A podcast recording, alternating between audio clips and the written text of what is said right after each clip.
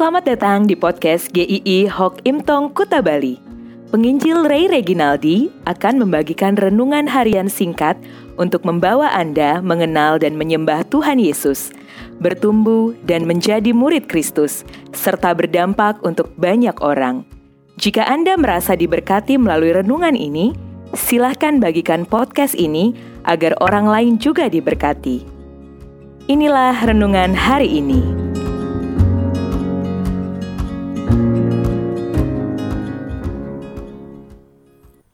Ehud Hakim-Hakim 3 ayat 15a Lalu orang Israel berseru kepada Tuhan, maka Tuhan membangkitkan bagi mereka seorang penyelamat, yakni Ehud, anak Gera, orang Benyamin, seorang yang kidal. Ada sebuah film seri di tahun 90-an yang kemudian dibuat lagi versi barunya di sekitar tahun-tahun ini. Judulnya adalah MacGyver.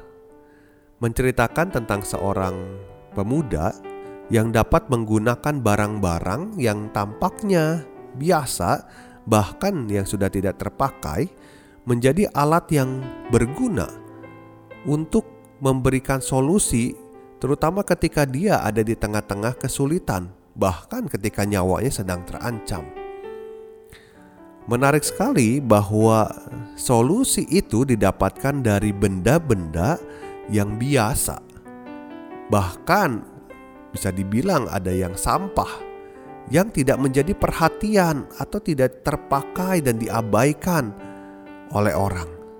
Namun di tangannya itu bisa dikreasikan menjadi benda yang berguna, benda yang bisa menolong dan itu di luar pemikiran banyak orang.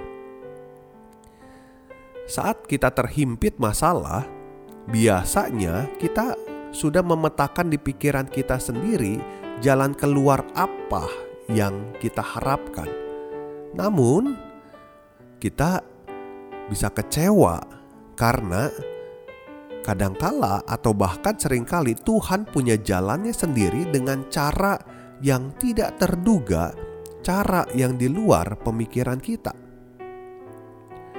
Waktu orang Israel menderita di bawah Englon, yaitu dia raja Moab, kira-kira pembebas atau penyelamat seperti apa sih yang mereka harapkan? Seharusnya seseorang yang cukup komplit, seseorang yang kekurangannya itu tidak begitu menonjol namun lucunya ketika Tuhan mau menolong Israel yang dibangkitkan adalah Ehud. Mengapa ini cukup lucu? Coba perhatikan profilnya. Maka Tuhan membangkitkan bagi mereka seorang penyelamat yakni Ehud, anak Gera, orang Benyamin, seorang yang kidal. Ehud dikatakan seorang kidal. Pada masa itu seorang kidal dicap sebagai orang yang cacat di masa kuno itu. Bahkan ada yang mencatat sering kali orang kidal itu dipaksa juga di masa itu untuk bisa menjadi orang yang menggunakan tangan kanannya. Sehingga pasti dia tidak dipandang sebaik orang-orang lainnya.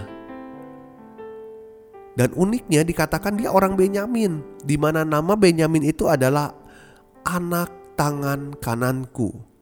Jadi di dalam suku Benyamin ada Ehud dan dia dipakai Tuhan. Ada seorang berkata, tidak hanya Tuhan tidak pernah memilih orang-orang yang tidak akan pernah kita pilih.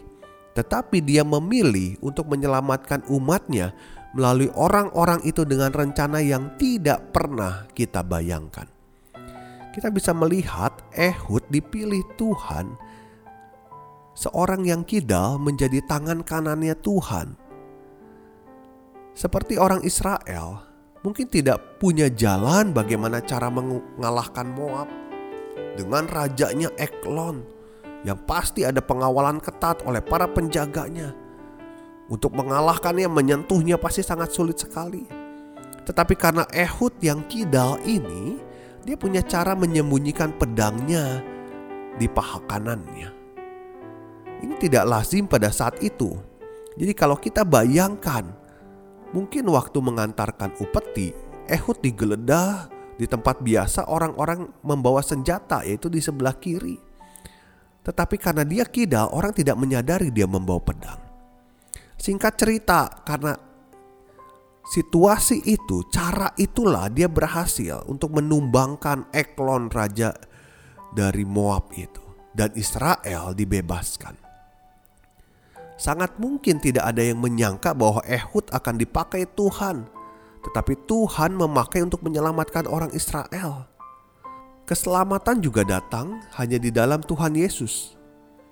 Apa yang tidak pernah terpikirkan oleh manusia, apa yang jauh dari bayangan manusia, itu yang dilakukan Tuhan ketika Dia mengutus Tuhan Yesus untuk menyelamatkan manusia dari hukuman dosa, kematian yang mengerikan di kayu salib, sehingga kita beroleh keselamatan. Maka kita bisa melihat Tuhan bisa memakai cara-cara yang tidak terduga, bahkan yang tidak pernah kita bisa bayangkan untuk menolong kita dari situasi-situasi yang mungkin kita pikir ini situasi yang paling sulit yang kita hadapi.